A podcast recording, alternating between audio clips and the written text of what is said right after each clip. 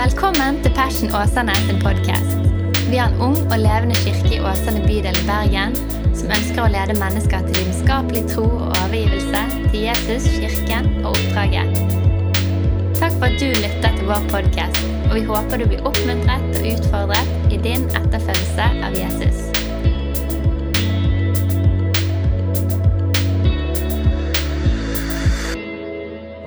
Tusen takk for at jeg får lov til å komme her. Altså. Det helt, uh, dette har jeg gleda meg kjempemasse til. Uh, jeg har jo fulgt uh, Passion på en måte med en sånn avstandsforelskelse i Er det fem år siden dere starta? Noe sånt? Sy å, unnskyld. Syv år. Eh, og eh, endelig så får jeg lov til å være her. Det er veldig stort. Så jeg må si tusen takk til Daniel og til Helene for at eh, vi får lov til å komme her, jeg og Victoria. Og eh, det, det setter vi veldig høyt. Gleder oss veldig over det og for, og for, for relasjonen vi har. Den, eh, den har betydd mye for oss i, i disse ti åra.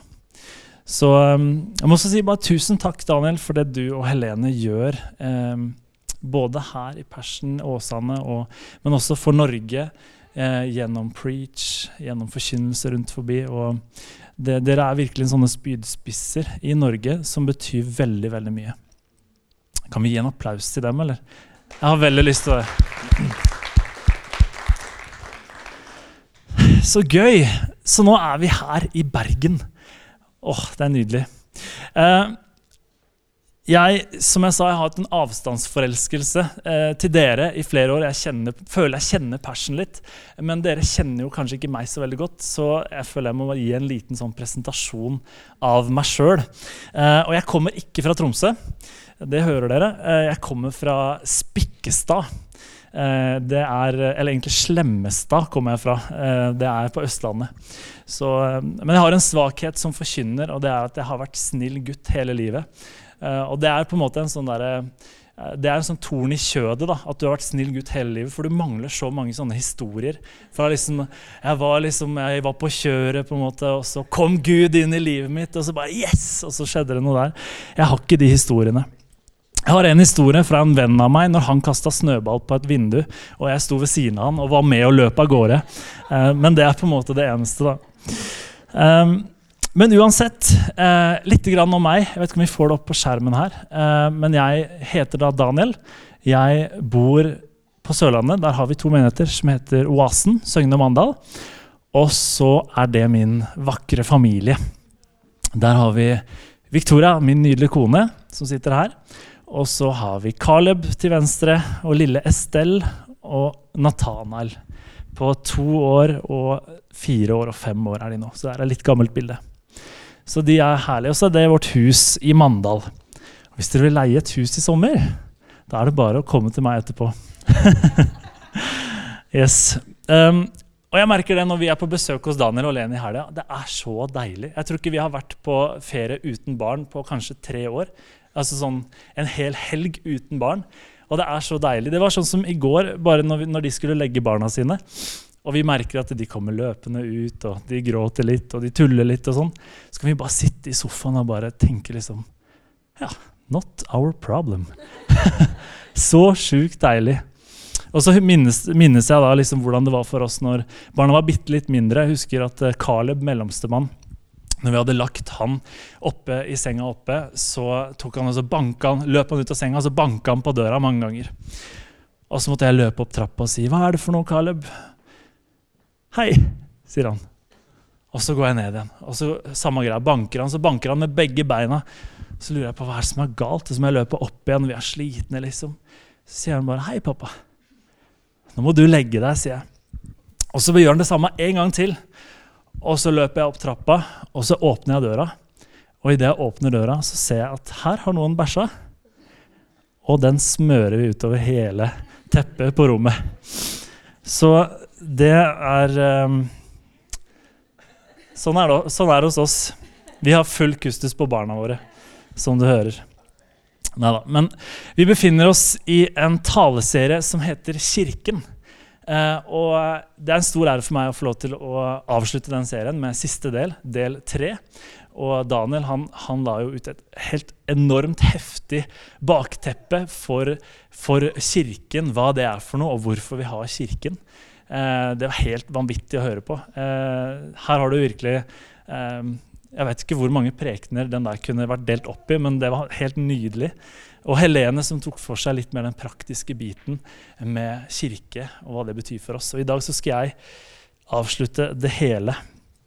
Men før jeg gjør det, så det brenner inni meg en gåte som jeg har lyst til å dele med dere. Som jeg har på en måte, Den her har jeg kunnet i mange år. Den har jeg lagd, og den her har jeg kunnet i mange år. Og endelig kommer jeg hit til persen og får lov til å dele den gåta. Og da lurer jeg på eh, hva kalles vekst i persen? Kaller man vekst i persen? Det er pasjonsfrukt. Det er pasjonsfrukt. Det er lov å le litt. da. Når dere ser jeg prøver skikkelig hardt, så kan dere få lov til å le litt. Ok, Men jeg skal slå et slag for kirka i dag. Kirka, altså For en fantastisk plass, for en fantastisk institusjon. En samling av mennesker. Og Jeg har lyst til å bare begynne med å lese noen vers fra Bibelen, fra Hebrebrevet, kapittel 10, vers 23. Dette var noen vers som Helene delte litt fra forrige søndag, men jeg har lyst til å ta de opp igjen. Hebreerne kapittel 10, altså vers 23. Der står det La oss holde urokkelig fast ved bekjennelsen av håpet, for Han som ga løftet, er trofast. La oss ha omtanke for hverandre, så vi oppgløder hverandre til kjærlighet og gode gjerninger. Og la oss ikke holde oss borte når menigheten vår samles, som noen har for vane. La oss heller oppmuntre hverandre, og det så mye mer som dere ser at dagen nærmer seg. Utrolig gode vers. Jeg har lyst til å bare be litt før vi går videre. Så Jesus, jeg bare takker deg her for at du, du er her akkurat nå. Og du bare gleder deg over at kirka endelig er samla igjen, Herre. Takk for at du har noen spesielle ting for oss i dag. Takk for at du ønsker å tale til oss og møte oss med din kjærlighet og din varme og din nærhet, Herre. Helligånd, vi bare vil åpne våre hjerter for deg i dag, til å tale inn i våre liv. Og, og, la det være sånn her at når du taler, så skal det være lett for oss å handle på det Herre. Det ber vi om Jesus. Amen. La oss holde urokkelig fast ved bekjennelsen av håpet, leste vi. Og så leste vi la oss ikke holde oss borte når menigheten samles. La oss ikke holde oss borte. Det er et ganske, ganske tydelig vers vi skal ikke holde oss borte når menigheten samles. Og det forteller meg noe om at menigheten den er viktig, og at vi trenger kirken. Det er utrolig viktig i våre liv. Og jeg har lyst til, Før vi går videre, har jeg lyst til å bare gi deg syv kjappe punkter på hvorfor vi trenger kirken. Og det er det talen i dag heter. Vi trenger kirken. Er du klar for noen kjappe punkter? Nummer én, vi blir minnet på vårt hjem i himmelen. Vi blir minnet på hvem som har kalt oss, og at vårt egentlige hjem er himmelriket. Vi er her på besøk her på jorda, men vårt egentlige hjem det er i himmelen. Og det trenger vi å bli minnet om hver eneste dag. En virkelighet som fort drukner gjennom en uke fra ytre påvirkninger fra herfra og derfra. Vi må huske på at vårt egentlige hjem er kirken. Nummer to, vi treffer kirken, andre troende som egentlig bare er folkene. Kirken, det er folkene. Samlingen av de utvalgte, de troende. Og vi trenger å treffe Kirken. Vi trenger å treffe andre troende som kan dele de samme kulturene, dele den samme kulturen, dele de samme verdiene som oss. Som vi kan få oppleve at kan oppmuntre oss, og som vi kan gi oppmuntring til gjennom en hverdag. Vi trenger å treffe Kirken. Vi blir trøstet, vi blir løftet opp, vi blir bedt for av kirken. Det trenger vi. Nummer tre vi setter Gud øverst i livet. Vi setter Gud øverst på tronen i våre liv. Som vi sa i stad, Jesus, du er kongen i mitt hjerte. Kom og ta din plass. Da fikk vi stilt våre hjerter rett innenfor Gud med en gang. Han blir satt på tronen i våre liv, og det trenger vi å gjøre hver uke. Få stilt våre hjerter rett innenfor Gud. Nummer fire, vi lar Gud tale inn til oss. Vi gir Gud en arena der han kan tale inn i livene våre. En konkret mulighet, sånn at vi kan bli de beste utgavene av oss selv. Sånn at vi kan få lov til å leve ut det kallet som ligger på våre liv. Sånn at Gud kan få irettesette og inspirere og kalle på oss og møte oss. Vi gir han anledning til å møte oss og til å tale til oss. Nummer fem vi blir fylt med kraft. Vi gir en konkret mulighet der Gud kan fylle oss på ny. Den hellige ånd kan fylle oss når vi samles. Og nummer seks vi blir løftet opp av andre. Nei, det sa jeg i stad. Vi løfter opp andre. Nummer seks vi løfter opp andre mennesker. Vi stiller opp for hverandre. Vi stiller opp for den andre delen av kirken, som kanskje i dag trenger trøst, som kanskje i dag trenger å bli oppmuntret, som kanskje i dag trenger å bli løftet opp og bli dratt fram. Vi stiller opp for hverandre, og derfor så samles vi som kirke. Og nummer sju vi trenger å feire. Er dere enig? Vi trenger å feire. Vi er frelst. Hallo! Vi har våre navn skrevet i livets bok. Vi har himmelen foran oss. Uansett hva vi har gjort i livene våre, så blir vi møtt med nåde. Så kan vi være i frihet. Dette trenger vi å feire. Hver eneste uke. Vi må feire Jesus. Kan vi gi en applaus til Jesus? Ja.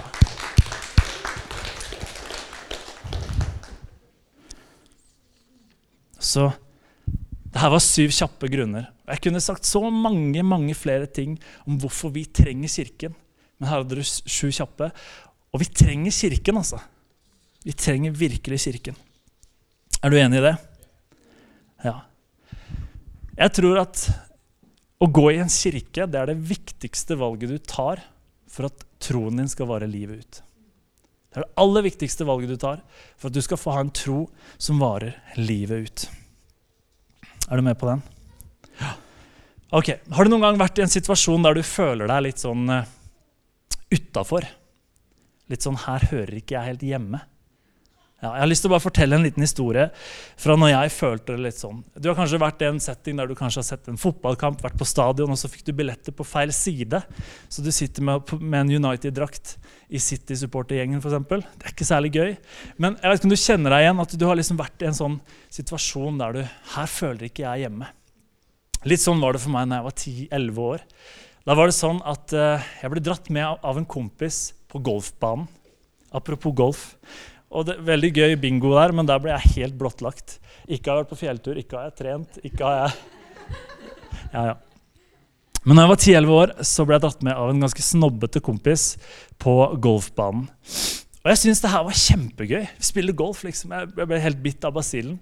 Så jeg tenkte det her har jeg lyst til å drive med. det her har Jeg lyst til å begynne med. Jeg må skaffe meg et golfsett. Så dro vi liksom inn til den pro-shoppen der man selger sånn her golfutstyr. Og der ble jeg litt lang i maska, for der, der kosta alt bare så vanvittig mye. De hadde golfcaps, golfhansker, golfbukse, golfreindress, golfparaply eh, og golfkøller. Alt mulig i golfgreier, bare at dette kosta så sykt mye mer. Og da tenkte jeg nei, dette her kan jo ikke jeg drive med. Jeg får heller dra hjem og så vil jeg lage min egen golfbag. Da var jeg 10 år. Jeg har den med meg i dag. Vi har kjørt bil hit, så jeg tenkte jeg skulle vise den til dere. Her er min hjemmelagde golfbag. Og med til og med mulighet for å bære den på ryggen. Og en liten Kan man det? En pung? Til å ha en, en Ja, pegg, ja, men en pung til å ha peggen i. Uh, og um, Ja, ikke sant? Var ikke den fin? Den er lagd av regnbukse og av tre staver og et malingsspann. Sånn her, ja, Kan vi ikke klappe litt for den, da? Hallo! Ja. Men eh, den her tok jo jeg da med meg på golfbanen, iført støvler. Og skulle liksom være med og spille golf sammen med snobbete kompisen min. Og jeg syntes det var så gøy. Vi gikk liksom en runde på nihulsbanen og spilte. og det var kjempegøy. Jeg hadde med meg et, et sett med brukte køller, som ikke hadde peiling på om var bra eller dårlig. Og jeg koste meg. Men etter denne golfrunden så ble, jeg vinka på av han som jobber i pro-shoppen der. Han vinker på meg, og så sier han 'Kom her, kom her, kom her'. Se, se her, her skal du få en ordentlig golfbag av meg, sier han. Den her er fin, den kan du bruke. Ta den. Og eh, jeg veit ikke helt hva som var greia der. Enten at han bare trodde at jeg var veldig veldig fattig, og at jeg skulle få en sånn golfbag, eller om at det var så vondt for han å se en som absolutt ikke glei inn i miljøet, og bare ville gjøre noe med meg, sånn at jeg passa inn i det golfmiljøet. Jeg passa ikke inn, og de som var der, de prøvde å forandre meg. De prøvde å gjøre sånn at her skulle jeg på en måte gli inn i mengden. Og jeg har lyst til å dele en historie fra Bibelen i dag om noen som var en del av et samfunn der de ikke passa inn. Og der samfunnet rundt prøvde å få dem til å gli inn i mengden. Jeg skal fortelle litt om det, og så vil jeg etter hvert snakke litt om hva dette har med kirken å gjøre. Er det greit? Yes. Jeg har lyst til å snakke om Daniel i Bibelen. Jeg har skjønt det sånn at pastoren heter Daniel, gjestetaleren heter Daniel. Så hvis jeg skal treffe, så må jeg bruke Daniel som eh, eksempel. Um, men Daniel i Bibelen er en fascinerende bok. Utrolig spennende bok. Uh, vi befinner oss sånn mellom 500 og 600 år før Kristus. Og jødene de er i eksil uh, hos babylonerne, som på en måte regjerer på den tida der. Uh, og kong Nebukadnesar, som var konge der, han eh, tok til seg noen unge gutter fra Jerusalem, noen unge jødiske gutter, som han skulle trene opp ved hoffet. Som han skulle lære opp.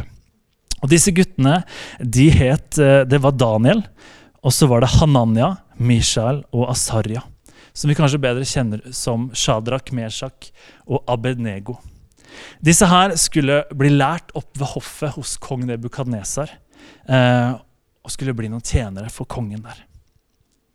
Og så finner vi ganske mange historier fra denne boka her som er utrolig fascinerende.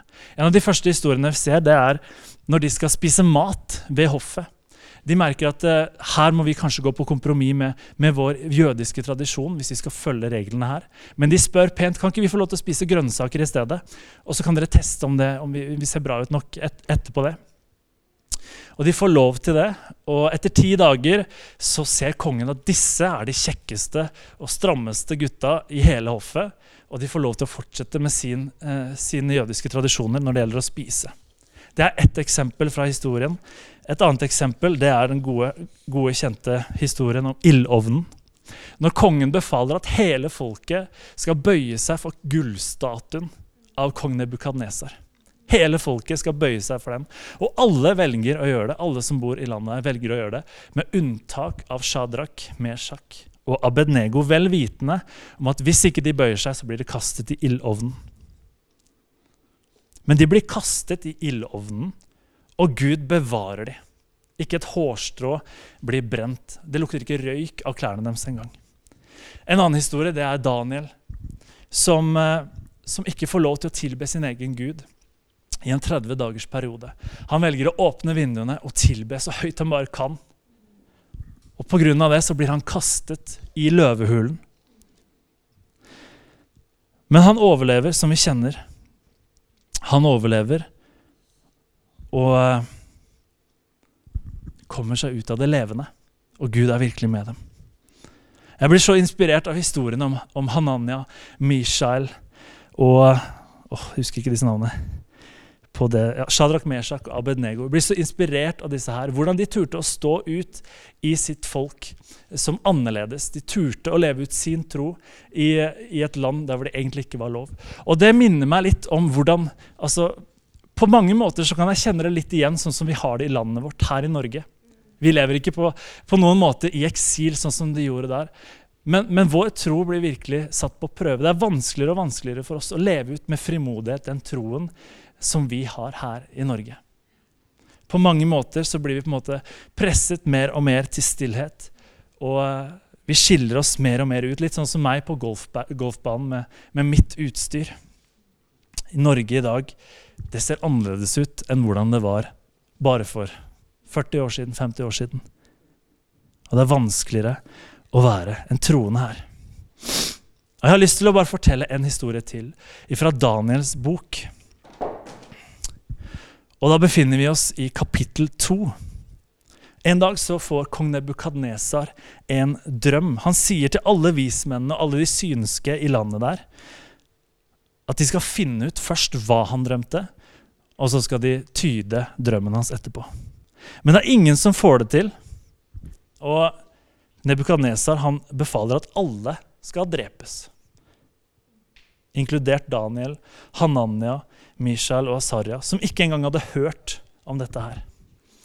Og Når de da kommer for å hente Daniel, så ber Daniel om å få litt tid på seg. Og så skal vi lese videre hva som skjer i denne historien. Og Da leser vi fra Daniels bok kapittel 2, også vers 16. Jeg tror vi får det opp her. Daniel gikk da inn og ba kongen om å gi ham en frist. Så skulle han fortelle ham tydningen. Så gikk Daniel hjem og forklarte saken for vennene sine, Hananya, Mishael og Asarya. De skulle be Gud i himmelen om å vise barmhjertighet og åpenbare dette mysteriet. Så Daniel og vennene hans ikke skulle gå til grunne sammen med resten av vismennene i Babel.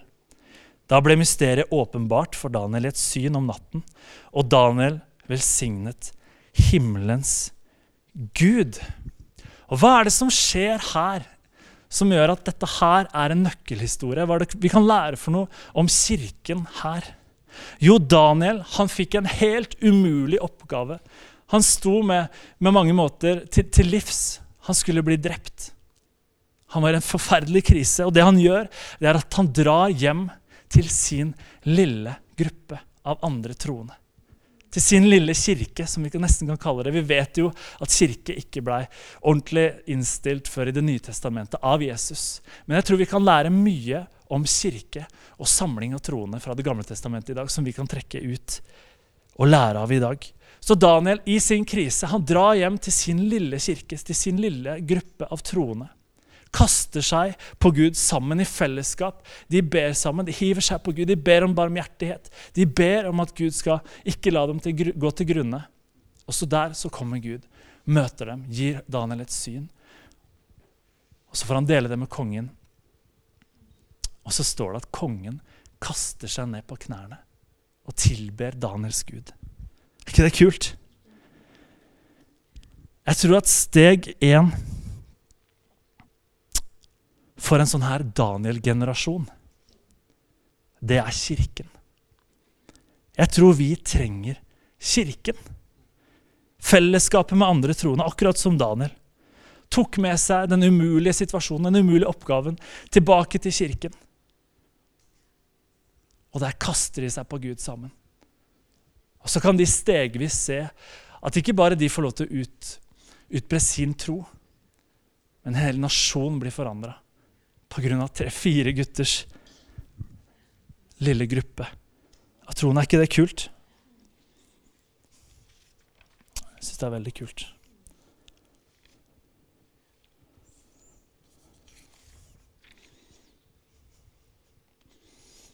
Jeg tror vi må fostre opp en sånn her Daniel-generasjon i vårt land. Jeg har tenkt på det så mye imot mine egne barn. at selv, For meg, altså, som som bare er 28 år. Jeg har opplevd et land som beveger seg mer og mer vekk fra Gud. Hvordan undervisningen i skolene skjer. Gud blir fjerna mer og mer. Og Jeg vet sjøl åssen det var for meg. Jeg, jeg, vokste opp som eneste kristne på skolen min. Og jeg syntes det var tøft, vanskelig, å ha en tro som sto gjennom det. Men jeg tror for mine barn, som nå er to, fire og fem år Hvis de skal kunne ha en tro som virkelig varer gjennom hele livet, så må jeg sikte høyere enn at de bare skal få et lite drypp her og der. Jeg må sikte høyere for at de ikke skal bare ha en tro som varer når de er ferdig med søndagsskolen, men for en tro som varer når de er ferdig på videregående, når de er i studietiden, når de skal ut i arbeidslivet, når de møter på en trøkk når de er voksne, når de merker en kirke som kanskje har utfordringer. Jeg må, jeg må legge ned alt jeg er og har nå, for at de skal få en tro som varer livet ut. Jeg tror vi må sikte litt høyere Sånn at vi kan få en Daniel-generasjon som har en tro som varer livet ut, og som har en tro som påvirker nasjonen sin.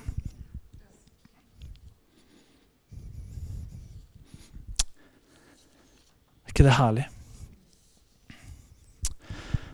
Jeg skal fortelle en historie fra mitt eget liv. Da hjelper det godt med litt piano. Litt sånn hellig ånd-feeling. I sommer så opplevde jeg og kona mi noe som var veldig tøft og veldig vanskelig. Som pastor så føler man at man skal være sterk for menigheten sin. Man trenger å være sterk for menigheten sin. Man skal, man skal på en måte kjempe de andres kamper. Og det føles av og til som at det er lite rom for å, for å være svake. Men i sommer så følte jeg og Victoria at vi var svake. Veldig svake. Det var nemlig sånn at eh, vi ventet vårt barn nummer fire. Du kan kanskje tenke sånn Hva i alle dager? 28 år, barn nummer fire. Nesten så vi må kjøpe oss et eget tog snart. Men vi ventet vårt barn nummer fire. Og vi skulle til eh, som vanlig ultralyd på sykehuset i uke 20 eller noe sånt. For å se at alt sto bra til. Jeg håpa at det skulle være ei jente, sånn at vi fikk to gutter og to jenter. Og når vi har ultralyden der, så ser vi at det er ei jente, men hun lever ikke lenger. Den lille jenta lever ikke lenger. Og vi kjente der at åh, det var som å bli, bli kasta utfor en klippe. Det bare raste sammen. Vi hadde gleda oss så masse til det her. Til at vi skulle få denne lille jenta. Familien skulle bli komplett. Og Vi fikk beskjed på sykehuset der at vi måtte komme tilbake en dagen etterpå. Da skulle Victoria føde det her lille, lille barnet. Og Vi måtte være forberedt på at dette kom til å gjøre like vondt som en vanlig fødsel. Uten gevinsten av å få det på brystet sitt når man er ferdig. Og vi kjente bare at ah, verden bare raser sammen. Hva gjør vi for noe nå? Vi bare valgte å sende meldinger til, til masse folk som vi kjente. Til folk i kirka vår, til vennene våre. Så skrev vi bare vi, vi går gjennom noe skikkelig tøft. Nå trenger vi dere. Kan dere be for oss? Vi skal tilbake igjen på sykehuset i morgen. Og vi fikk så masse meldinger. Vi ber for dere. Vi står med dere. Så masse meldinger fra kirka. Den lille samlingen av troende. Som skulle virkelig hjelpe oss i den tøffe tida. Og når vi da kom på sykehuset den andre dagen der Victoria skulle gå gjennom noe smertefullt uten en premie på slutten så var det en vond dag. Det var en forferdelig dag for oss. Men midt i det så var Gud på en helt spesiell måte. Vi opplevde en, en fæl dag, men en dag da Gud var så med oss. Så nær oss. Vi leste gjennom hele Salmenes bok mens vi venta på at barnet skulle komme ut. Vi bare kjente at Gud berørte oss på nytt og på nytt. Vi følte Guds nærvær sterkere enn vi har gjort på lenge. Og vi visste at vi hadde en samling av troende som kjempet kampen for oss. Som gikk sammen med oss i frontlinjen. Jeg må bare si det igjen, folkens. Vi trenger Kirken. Vi trenger Kirken hver søndag. Eller annenhver søndag. Vi trenger Kirken mange ganger i uken. Vi trenger kirken når krisen inntreffer. Vi trenger kirken når ting virker helt umulig for oss. Når vi står foran et fjell. Når vi har rota oss borti noe, da trenger vi kirken. Vi trenger kirken for å holde oss brennende, for å holde en tro som, som varer livet ut. Vi trenger fellesskapet av andre troende, sånn at vi kan leve ut det kallet som Gud har lagt på våre liv. Vi trenger kirken, dere i en vanlig hverdag, så trenger vi Kirken til å leve med en høyere standard. La meg bare repetere de syv gode grunnene som jeg sa i stad en gang til. Vi blir minnet om vårt hjem i himmelen, for vi kommer fra et annet sted. Vi har en annen virkelighet, vi har annen, et annet hjem. Vi er her på besøk. Vi må bli minnet om at himmelen er vårt hjem. Nummer to, vi treffer Kirken, andre troende. Sånn at vi kan bli trøstet, sånn at vi kan bli oppmuntret og inspirert. Sånn at vi kan bli båret fram. Nummer tre, vi setter Gud øverst på tronen i livet, igjen og igjen. Med vår lovsang, med vår økonomi. Det er på en måte en sånn, Uansett hvor langt vekk man kan komme fra Gud i løpet av en uke, så har vi alltid søndagen der vi er tilbake igjen. Ny nåde hver uke, hver dag. Vi lar Gud tale til oss. Vi gir en anledning for Han til å tale inn i våre liv. Vi blir fylt med kraft av Gud. Vi løfter opp andre. Vi har et sånn ansvar der også. Man kan så fort tenke at jeg skal i kirken for å få noe. Men vi har et ansvar overfor våre kristne brødre og søstre om å løfte de fram i hverdagen sin. Om å hjelpe de til å bli de beste utgavene av seg selv. Om å hjelpe de til å bære Guds rike fram i Åsane, i, på Vestlandet, i Norge. Der har vi et ansvar for hverandre. Og nummer sju, vi trenger å feire. Og særlig når vi er en nasjon der ting bare presses mer og mer på. Og det er vanskeligere og vanskeligere for oss å leve ut den troa vi har. Vi trenger å feire at vi har noe bedre. Vi har noe fantastisk som er for alle mennesker. Vi trenger å feire. Så folkens, vi trenger kirken. Den trenger vi så masse. Men til slutt også verden trenger kirken. Minst like mye. Daniel var inne på det i prekena si første, første del i serien. Men verden trenger kirken. Menneskene rundt der hvor vi bor, i Åsane, på Vestlandet, i Norge, på Sørlandet, de trenger kirken. Daniel, Shadrach, Meshach og Abednego de var en bitte liten kirke. En liten samling av troende. De trengte hverandre for å stå imot trykket fra verden rundt. Men hvis vi ser på det folket, babylonerne på den tiden De bøyde seg for en gullstatue av kongen. De levde et liv i tomhet, i løgn, på et fundament som ikke var sant i det hele tatt. Sentrert rundt noe meningsløst. Babylonerne, babylonerne de trengte kirken for at øynene skulle bli åpnet opp for sannheten. De trengte denne lille, lille gruppen. Man kunne kanskje tenke at de bare trengte hverandre, men, men hele den nasjonen trengte kirken. For at øynene skulle bli åpnet, for at de kunne se hvem som var den sanne Gud, og de kunne leve i sannhet. Det lille trosfellesskapet, det var nok til å forandre et helt rike på den tida. Det skjedde stegvis.